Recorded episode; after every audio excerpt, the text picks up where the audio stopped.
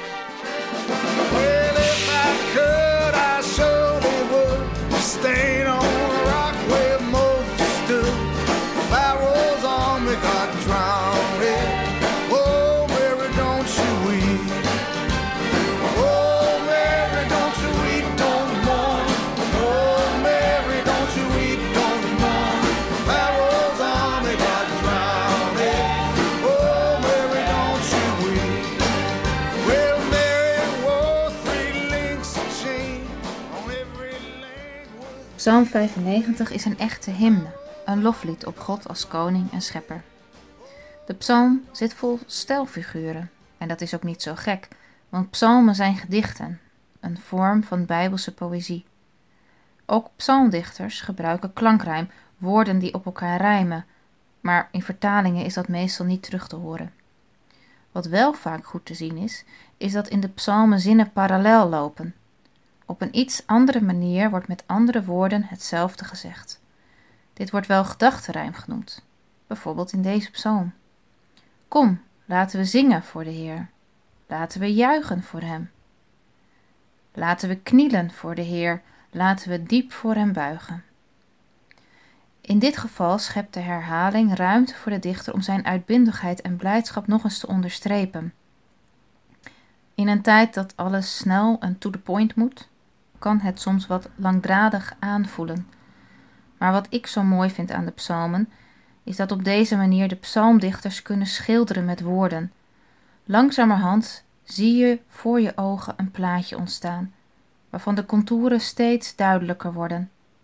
Soms door kleine variaties op een thema, soms juist door tegenstellingen. Dat is bijvoorbeeld goed te horen in vers 4 en 5 van de nieuwe Bijbelvertaling. Hij houdt in zijn hand de diepten der aarden. De toppen van de bergen behoren hem toe. Van hem is de zee, door hem gemaakt, en ook het droge, door zijn handen gevormd. Diepte van de aarde tegenover de toppen van de bergen, de zee tegenover het droge land.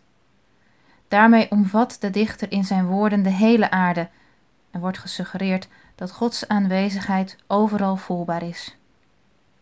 Overal? De dichter heeft realiteitszin genoeg om te erkennen dat er tijden zijn van cynisme, ironie, dat mensen denken: het zal wel. Als in een flashback horen we over de tijd toen het volk Israël gevlucht was uit Egypte en ronddwaalde in de woestijn, zonder eten, zonder drinken, en hoe mensen hun vertrouwen in God kwijtraakten. Tja, vind je het gek? Wanneer mensen zich van God verlaten voelen en anderzijds mensen zich weinig aan God gelegen laten liggen, kan er een vertrouwensbreuk ontstaan tussen God en mensen. In deze psalm vertelt de dichter niet hoe God en mensen elkaar weer gevonden hebben. Maar afgaande op de beginwoorden van de psalm is dat wel gebeurd en blijft dat steeds weer gebeuren. Laten we juichen voor Hem, want Hij beschermt en Hij redt ons.